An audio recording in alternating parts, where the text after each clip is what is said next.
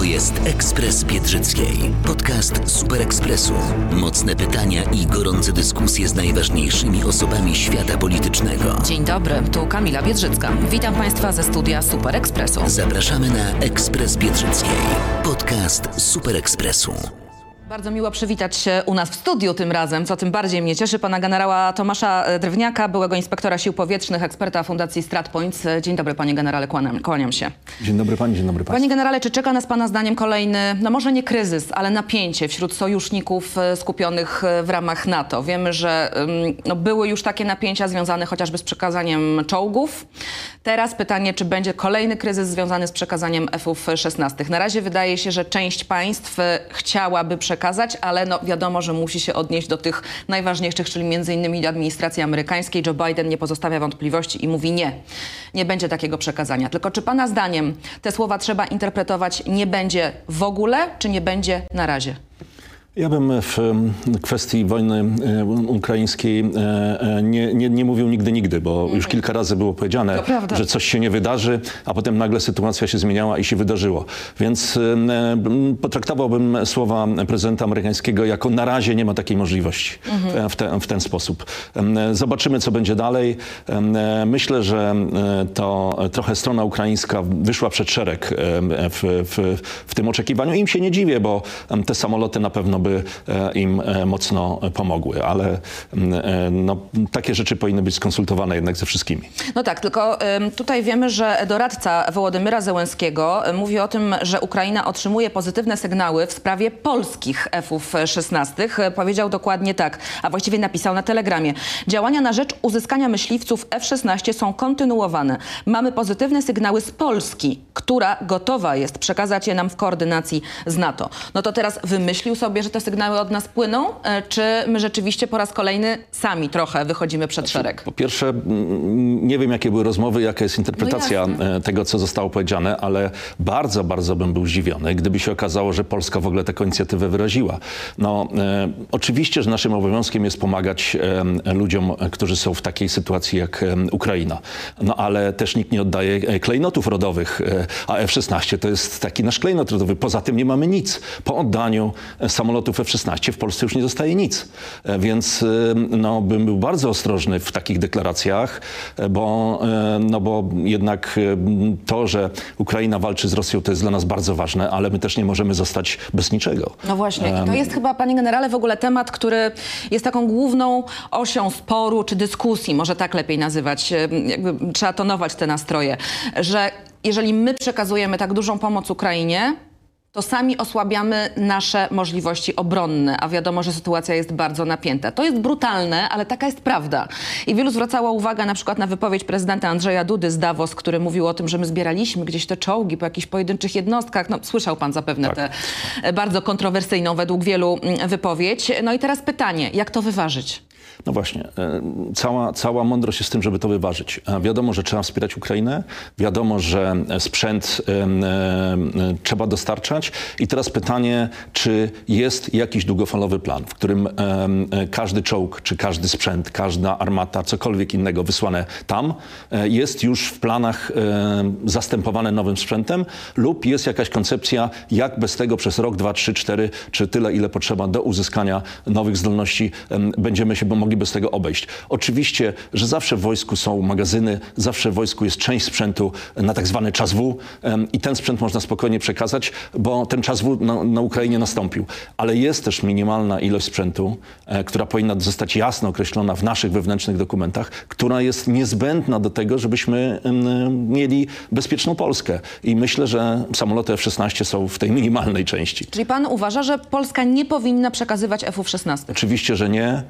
Mamy MiGi-29, które, e, które mogłyby, oczywiście nie są tak dobre jak F-16, ale pamiętajmy też, że F-16 jest samolotem, który e, został zbudowany do działania w środowisku NATO. Ukraina dzisiaj tego środowiska nie ma. E, Na przykład nie miałaby Linka 16, nie miałaby wielu, wielu elementów, które wspomagają ten samolot, a bez tego on jakby o, tą, o te pół generacji schodzi w dół, więc zbliża się do MiGa-29. Więc Wydaje mi się, że decyzja o przekazaniu MiGów-29 byłaby jak najbardziej słuszna, F-16 byłaby, em, dużym osłabieniem dla polskiego lotnictwa. Pytanie, jak e, sądzę, e, trudne, żeby odpowiedzieć na nie krótko. Pewnie trzeba by to było przeanalizować przez kilka, e, kilkadziesiąt dobrych minut. Natomiast jakby pan dzisiaj określił stan naszych zasobów, takich obronnych właśnie? Bo pan mówi o tym, że Polska musi być bezpieczna i że to poczucie bezpieczeństwa jest niezwykle ważne. Tylko czy my się dziś możemy czuć bezpieczni? I ja nie pytam o ewentualną inwazję Rosji, tylko jeżeli chodzi właśnie o nasze zasoby.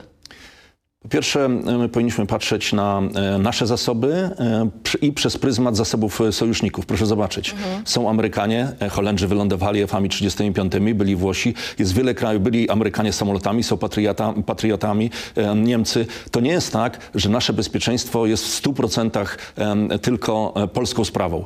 Jesteśmy członkiem NATO i jest to sprawa całego sojuszu i e, sojusz, który, który może nie mrawo na początku tej wojny się zachowywał, dzisiaj chyba jednoznaczne stanowisko m, em, prezentuje i tutaj, tak jak e, powiedziałem, em, nasze bezpieczeństwo jest sumą e, tego, co my posiadamy, plus tego, co em, sojusz jest w stanie nam udzielić e, pomocy teraz, a przy eskalacji jeszcze większej. E, Ta eskalacja się szykuje. Wszyscy już łącznie z sekretarzem generalnym NATO mówią, że Rosja szykuje się do kolejnego ataku, do kolejnej ofensywy późno-zimowej albo wczesnowiosennej, że mobilizuje ponad 200 tysięcy żołnierzy i że szykuje się na długotrwałą wojnę. To ostatnio było słychać chociażby w mm, przemówieniu Władimira Putina. I teraz pytanie, czy ta pomoc, która płynie od państw zachodnich dla Ukrainy, Pana zdaniem jest jakościowo i ilościowo wystarczająca? Oczywiście, zawsze jest tak, że można by było zrobić więcej, tylko pytanie, czy my się z tą pomocą nie spóźniliśmy? Od choćby czołgi. Czekaliśmy bardzo długo. Szef sztabu generalnego Ukrainy mówił, że tak naprawdę, żeby oni mogli przejść jakkolwiek do działań ofensywnych, tych czołgów potrzeba 300. Dostaną za 2-3 miesiące od 100 do 150. No, y, to jest dokładnie to, o czym rozmawialiśmy na początku naszej rozmowy. Gdzie jest ten moment, w którym każde państwo musi określić swoje minimum? Bo e, pamiętajmy, że Europa przez ostatnie 20 lat żyła w dość błogim przeświadczeniu, że się tu nic nie wydarzy. E, Niektóre kraje całkowicie pozbyły się czołgów, jak na przykład Holandia. E, Niektóre kraje bardzo mocno ograniczyły swoje budżety obronne, jak na przykład Niemcy, em, czy liczebność swoich wojsk, jak na przykład Wielka Brytania. E, I e, Polska też zresztą e, ograniczyła e, e, swoje, swoje, liczbę swoich wojsk przez ostatnie 20 lat. I nagle obudziliśmy się z ogromnym dostatkiem. Z w nocniku? Przepraszam, Tak, nazwę tak, to po tak, imieniu. Tak. No, no nie chciałem użyć tak brutalnych słów, ale tak, taka jest prawda. I nagle się okazuje, że wszyscy chcą czołgów, a tych czołgów nie ma. E, że wszyscy potrzebują sprzętu, a tego sprzętu nie ma. Okazuje się, że zakłady, które wcześniej produkowały e, 10 czy 20 czołgów e, miesięcznie, dzisiaj są w stanie produkować dwa czołgi miesięcznie. E, I tak naprawdę e, Putin długo, długo pracował nad tym, żeby nas uspokoić i wykorzystał ten moment, w którym to samo uspokojenie spowodowało właśnie takie skutki. I dzisiaj m, e, proszę sobie wyobrazić, że NATO, m, tak potężny sojusz, szuka pojedynczych czołgów, tak? Co się wydaje śmieszne em, przy, przy tak dużej ilości Putin krajów. o tym wie. E, A Putin o tym wie, bo jego służby dokładnie wiedzą, e, e, kto ma ile czołgów, w jakim stanie i w jakich magazynach i co może zrobić. Więc, więc tu trochę mm, te ostatnie 20 lat takiego błogiego spokoju daje nam teraz siwe znaki niestety. Jakie my mamy możliwości jako państwa zachodnie, jeżeli chodzi o takie przyspieszenie e, nakładów, tak to nazwę w cudzysłowie, jeżeli chodzi o przemysł obronny, czyli produkowanie e, tego typu sprzętu? Ile to trwa, ile może potrwać? Czy pana jest- zdaniem on ruszył pełną parą, czy dopiero są plany, żeby ruszył i czy w ogóle ruszy? To jest e, bardzo skomplikowane, bo do tego trzeba kilku rzeczy. E, Trzeba e, miejsce, w którym się to produkuje, a może się okazać, że na przykład już część zakładów zbrojeniowych produkuje, nie wiem, panele fotowoltaiczne, Tak. czy inne rzeczy, które są może równie opłacalne. Więc należałoby to albo wybudować nowe, albo odzyskać utracone zasoby, jeżeli chodzi o możliwości produkcyjne, plus ludzie. Ja nieraz rozmawiałem z, nawet w Polsce z różnymi przedsiębiorstwami, szczególnie lotniczymi, którzy mówią, że jest ogromny problem ze specjalistami. E, Dzisiaj jest ogromny problem ze specjalistami, którzy będą mogli mm, te, te rzeczy robić i szkolenie takiego człowieka to jest 2-3 lata. Więc to nie jest tak, że jutro mm, krzykniemy produkujmy czołgi czy samoloty, a pojutrze te samoloty będą. Proszę zobaczyć, co ostatnio wiceprezes Lockheed Martina powiedział, że oni się przygotowują do tego, żeby zwiększyć produkcję z czterech samolotów miesięcznie. Tak? No, więc, no więc cztery samoloty miesięcznie dla tak potężnej firmy jak Lockheed Martin. e, no to, to jest ogromny problem. To nie, nie brzmi optymistycznie. No nie brzmi to optymistycznie e, i e, dlatego trzeba szukać zasobów, które już posiadamy. Tak jak mówię, na przykład MIGI-29. My je posiadamy, em, e, więc jest tutaj No Tym szansa bardziej, że Rosja Ukrainie. też chyba nie ma jakoś super nowoczesnego sprzętu, prawda? Rosja nie ma ani super nowoczesnego sprzętu, a jeżeli nawet go ma, to ma go gdzieś głęboko pochowanego, bo czy z tego, że nie ma kto na nim latać, albo nie ma co pod niego podwiesić, on nie jest używany w zasadzie masowo nad Ukrainą i to całe szczęście. No dobrze, to teraz e, jeszcze do Joe Bidena, e, który zapowiedział, że będzie wizyta w Polsce. Nieoficjalnie mówi się, że ona może być w okolicach rocznicy e, wybuchu wojny, czyli 24 lutego. E, No i znów Polska na ustach i w oczach całego świata. To dobrze czy niedobrze? Ja uważam, że dobrze. Wykorzystujemy to swoje pięć minut, No czy nie? Bo był ambasador w mm, Republice Federalnej Niemiec ostatnio zwrócił uwagę, że Polska nie wykorzystuje tych swoich pięciu minut. Czy my y, i strona rządowa, i y, strona y, nierządowa, czyli wszyscy ludzie w Polsce, pamiętamy tą ogromną pomoc dla, dla, dla prostych ludzi z Ukrainy, którzy się po prostu stamtąd ewakuowali, y, a, a strona rządowa i uzbrojenie, i różne rzeczy, które się dzieją w Polsce. Pamiętajmy, że Polska też jest ogromnym e, hubem e, przerzutowym dla całego Tak. sprzętu, E, więc, więc to są same pozytywne rzeczy, ale ja nie widzę dzisiaj, e, może się to dzieje, ale tego przynajmniej nie widzimy gdzieś, gdzieś oficjalnie, jakiejś konsumpcji tych wszystkich rzeczy, żeby to, żebyśmy umieli e, postawić nasze warunki. To nie chodzi o targowanie się, czy, czy wykorzystywanie Ukrainy w taki czy inny sposób. To chodzi o to, żeby, żeby na końcu znowu nie było, e, że Polacy zawsze się biją o wolność waszą i naszą i tak naprawdę na końcu nie mają nic. No i na przykład kontraktów na odbudowę e, Na przykład, Ukrainy. na Miejmy przykład. nadzieję, że jak najszybciej ta odbudowa nastąpi. Tu, tutaj myślę, że powinniśmy wyciągnąć wnioski z Iraku. Byliśmy tam, nasi żołnierze tam zostali, m, wróciło wielu poszkodowanych i tak naprawdę nie, nie skonsumowaliśmy tego, e, tej, tej sytuacji korzystnie dla naszej, dla naszej gospodarki. Zaczęliśmy od myśliwców F-16 i teraz pojawia się takie kluczowe e, pytanie gdzieś zawieszone w powietrzu. Czy Ukraina sobie bez tych F-16 poradzi? Pytam pana też no, jako osobę, która siły powietrzne zna na wylot. Znaczy, trochę ja bym tutaj powiedział tak, że te F-16 są mm, trochę mm, takim symbolem raczej niż... Trochę przereklamowane? Tak, tak, znaczy może nie sam samolot przereklamowany, ale proszę pamiętać, że e, e, e, Ukraina te F-16 dostałaby za, za rok. E, Więc pytanie, co się może wydarzyć przez ten rok, e, no nie wiemy.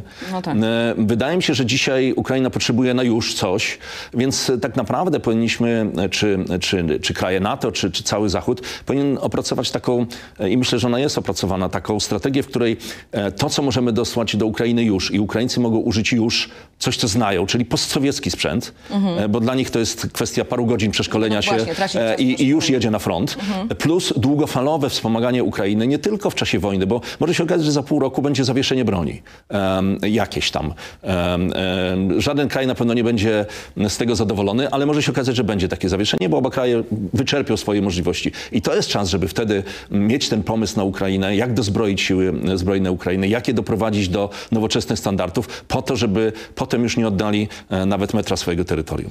E, Jens Stoltenberg, już przeze mnie dzisiaj cytowany, czyli sekretarz generalny NATO, mówi tak. Nikt nie jest w stanie dzisiaj powiedzieć, kiedy ta wojna się skończy. Czy sądził pan, że niemal rok od jej wybuchu my będziemy w takim momencie, że sekretarz generalny NATO będzie mówił takie słowa?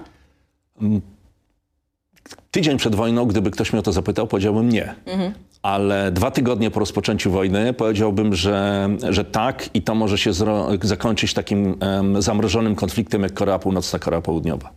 Czyli e, nikt nie osiągnął sukcesu militarnego, ale e, w takiej sytuacji to Rosja będzie tym e, trochę wygranym. No właśnie, bo Ukrainy to jest Ukra- najgorszy scenariusz, e, Bo? Ukraina będzie krajem, Rosja będzie cały czas dążyła do tego, żeby Ukraina była krajem upadłym, odciętym w większości od Morza Czarnego, plus nie będzie miała zdolności koalicyjnych, bo nikt nie przyjmie Ukrainy ani do Sojuszu Północnoatlantyckiego, ani do Unii Europejskiej, jeżeli ona nie będzie miała uregulowanych spraw. A dzisiaj ten scenariusz zamrożenia jest dla pana najbardziej prawdopodobny? Wydaje mi się, że Rosja do tego dąży. Odzyskanie e, trochę tą ofensywą, którą gdzieś tam się mówi i oni ją planują, odzyskanie twarzy na świecie, zajęcie jakichś tam obiektów, które sobie wyznaczyli e, i przejście do e, utrzymania tego i silna presja polityczna na całym świecie plus e, taka akcja propagandowa o zamrożeniu konfliktu, bo to dla Rosji dzisiaj jest jedyne wyjście, żeby, żeby, żeby osiągnąć przynajmniej częściowy, częściowe cele, które, które mieli na początku. Panie generale, a jak pana zdaniem niebezpieczna okaże się ta ofensywa rosyjska, do której się Kreml w tej chwili przygotowuje? Wiemy coś na ten temat, czy tylko możemy się posługiwać myślę, że- szczątkowymi informacjami medialnymi? Myślę, że na razie e, no, mm, różne agencje wywiadowcze e, e, pracują nad tym, żeby, żeby ten prawdopodobny scenariusz rosyjskich działań przekazać, zdobyć, opracować i przekazać Ukraińcom, bo dla nich to jest em, życiowo ważne. Mm, Ale tutaj mogą być dwa scenariusze. Albo powrót do wielkiego scenariusza, czyli zajęcie Kijowa, i ustanowienie własnego przywódcy Ukrainy, który będzie mówił, że Rosjanie byli odwiecznymi przyjaciółmi i nie należy z nimi walczyć. E, I to jest jakby e, taki duży scenariusz. E, Albo kilka uderzeń na południu i na wschodzie, które mają odzyskać utracone tereny lub wyrównać front na przykład do dużej przeszkody wodnej, jaką jest Dniepr e, i, i zakończyć na tym. Tutaj ciężko jest mi dzisiaj powiedzieć, co siedzi w głowach rosyjskich, bo, bo to też zależy od, od kilku czynników, chociaż chyba najwięcej zależy od wybujałego ego jednego człowieka. Dokładnie tak. A e, uważa pan, że Rosja po tym roku, co, który obserwowaliśmy, po informacjach, które także amerykański wywiad ma na przykład, jest dzisiaj zdolna do tego pierwszego, bardzo e, rozległego planu, czyli zajęcie Kijowa? Oni mają zdolności, żeby to zrobić? Em, Tutaj Białoruś może być kluczowym elementem e, tego proszę. scenariusza. To jest pan jednym z pierwszych, który to potwierdza, bo większość mówiła, że e, ekspertów, którzy tutaj u mnie byli, że tej, te, tego ataku z Białorusi nie powinniśmy się jakoś Znaczy, specjalnie ja, ja, obawiać. ja nie mówię, że, że będzie atak z Białorusi. Ja mówię o tym, że Białoruś tu będzie kluczowym, kluczowym em, graczem,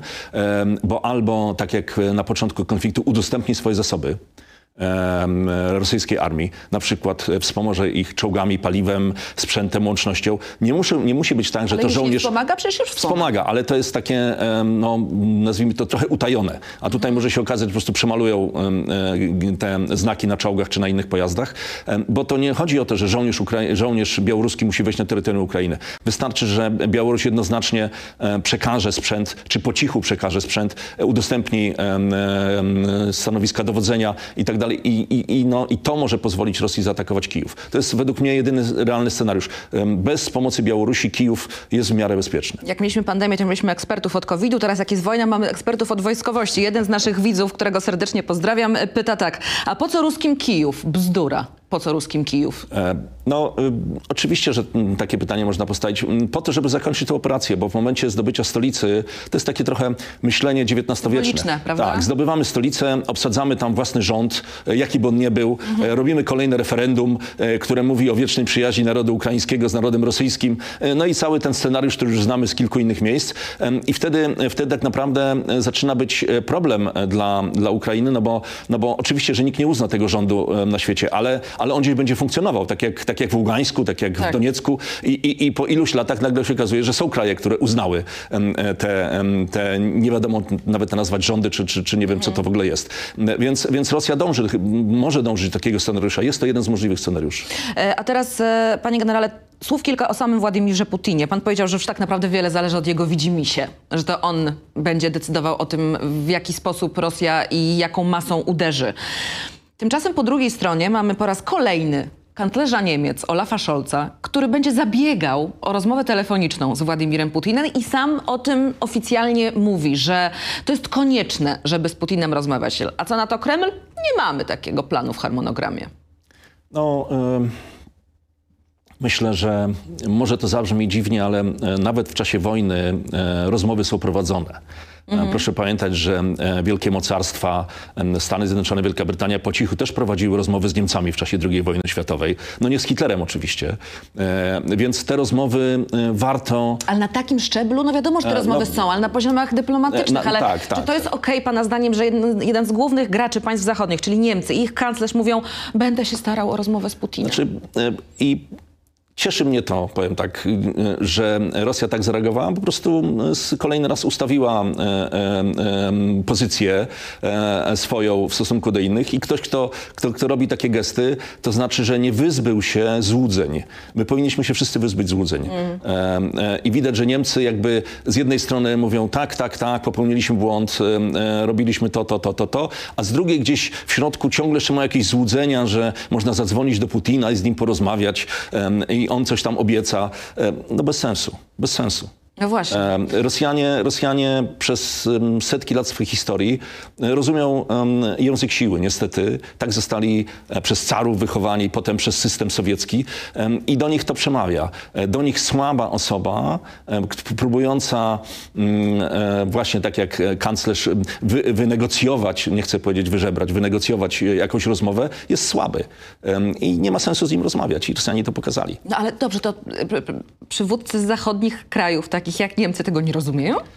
Czy nie chcą dopuścić tego do Ja myślę, że to jest jakieś takie, takie zaćmienie, że, że ciągle mamy tam racjonalnego człowieka, że to jest trochę tak mierzenie. Po tym wszystkim, co się stało, po Buczy, po Izjum, po innych miejscach, znaczy ktokolwiek jeszcze traktuje Putina jako człowieka, przepraszam, powiem to wprost, normalnego? No, którym da się e, rozmawiać? Nie powinniśmy, nie powinniśmy tego robić. Nie wiem, jaki był cel kanclerza Niemiec. Em, Wygląda No właśnie, to to dość dziwnie. Wygląda to dość dziwnie. to prawda. bo, bo, bo ja bym, mm, no mm, oczywiście, tak jak powiedziałem, rozmowy muszą być prowadzone na szczeblach e, dużo niższych, e, bo, bo, bo dlaczego? Bo w tych czasie tych rozmów można uzyskać wiele cennych informacji, które mogą się przydać, ale też można, można e, e, no, widzieć też tendencje, jakie są w danym kraju. To jest, jest tak, takie rozmowy wbrew pozorom e, dają dużo informacji i, i to tylko dlatego się ludzie A może chodzi o to, panie generale, że w Niemczech jest po prostu dość duża społeczność rosyjska. Tam wielu Rosjan na emigracji mieszka. Zresztą pamiętamy e, na przykład protesty, e, chyba to było gdzieś wokół bramy brandenburskiej e, Rosjan, którzy m, za wojną wyjechali na ulicę właśnie w Berlinie. Niem, Niemcy prowadzą dziwną politykę, nie chciałbym tutaj oceniać e, e, e, Nie da się pan wciągnąć Nie, znaczy- tematy polityczne. Znaczy, no, prowadzą dziwną politykę i, e, i wydaje się, że, w pewnym, że już jest czas dla Niemców, żeby jasno e, się opowiedzieli e, za, za jakąś kontynuacją linii europejskiej, bo, bo ciągle się wydaje, że Niemcy, oni się zasłaniają tym, że mają tą traumę z II wojny światowej, że nie chcą eskalować. tak, tak, tak. Ale, ale. E, ale mm, dzisiaj, no to, to tak jak ktoś powiedział, dobrze, kiedyś zostałem e, napadnięty przez rabusia, to dzisiaj jak rabują innych, to ja będę uciekał, tak? To nie tak. E, No, trzeba, trzeba mieć te... mm, Dzisiaj jest taki czas, w którym, w którym się sprawdza e, te karty na stole i trzeba po prostu się zachować po ludzku. Panie generale, pana zdaniem, kiedy dzisiaj patrzymy na front, co powoduje, że ta biedna Ukraina nie jest w stanie pójść za ciosem, przejść do ofensywy? To jest tylko brak sprzętu, czy coś jeszcze? To jest wszystko. To jest, pamiętajmy, że Ukraina ma określoną liczbę zasobów i sprzętowych, i ludzkich. Y, I żołnierz, który jest na froncie od kilku miesięcy, y, to jest wrak człowieka. To, to, to, to nie tak, to nie jest zabawa. Y, Ludzie giną, y, ludzie są ranni, więc ci żołnierze y, tak naprawdę są rotowani. To, to, że Ukraina dzisiaj ma 600 czy 700 tysięcy ludzi, mówi w siłach zbrojnych, to tak naprawdę na froncie może być nie więcej jak 100, 150, może 200, bo reszta tych ludzi no, nie jest w stanie być ciągle w takim stresie. To nie da się tego po prostu. I do tego sprzęt. No, no, no, mm, chyba nie chcemy zobaczyć obrazków takich, jak, jak widzimy po stronie rosyjskiej, że e, bardzo słabo wyszkoleni żołnierze z bardzo złym ekwipunkiem e, szturmują kolejne miasto czy kolejne, kolejne e, pozycje ukraińskie, bo to Ukrainy na to nie stać po prostu. Czyli na razie nie ma szans na to, żeby Ukraina do jakiejś takiej efektywnej i efektownej ofensywy mogła przejść. Ja myślę, że e, Ukraina, e, prosząc o pomoc zachodnią, ma, ma jakiś plan em, p- wyposażenia kolejnych jednostek, które się szkolą w różnych miejscach w ten nowoczesny sprzęt i dokonania czegoś podobnego, jak było to w sierpniu i we wrześniu. E, kolejnego wyłomu w e, pozycjach rosyjskich. Oczywiście nie będzie to tak, jak, jak się nam wydaje, że na całej długości e, linii styczności bojowej wojsk Ukraina nagle jak walec z, z, przejedzie po Rosjanach i, i, i zakończy to wszystko, odbije Krym i, i ten. To są lata. Ale wydaje mi się, że e, tak jak Rosjanie przygotowują się do tej swojej ofensywy, tak samo Ukraina bada, gdzie Rosjanie są najsłabsi i może się okazać, że e, uderzy punktowo, e, tak żeby mocno zabolało.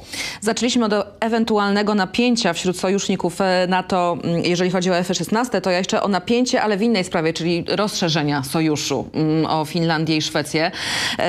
Erdogan po raz kolejny się wypowiedział i powiedział, Turcja może przyjąć Finlandię do NATO. O Szwecji nie wspomniał. I co teraz? No, e, Erdogan gra swoją grę. Jak zwykle. E, Jak zwykle. E, Proszę pamiętać, że w maju są wybory w Turcji. Erdogan nie jest już tak postrzegany jako zbawca narodu. Em, Erdogan e, ma problem z inflacją, która tam już jest na 60 czy 70%. Em, e, Erdogan ma problemy z mniejszościami. Erdogan ma problemy z wojną nie tylko ukraińsko-rosyjską czy rosyjsko-ukraińską, ale też Syrią i zajęciem części syryjskiej przez, przez Turcję. Ma dużo problemów i on e, próbuje dzisiaj, e, no, pamiętajmy też, że Turcja jest no, takim krajem, w którym ten silny mężczyzna jest, jest postrzegany dość pozytywnie, więc, więc Erdogan dzisiaj próbuje grać takiego silnego mężczyznę.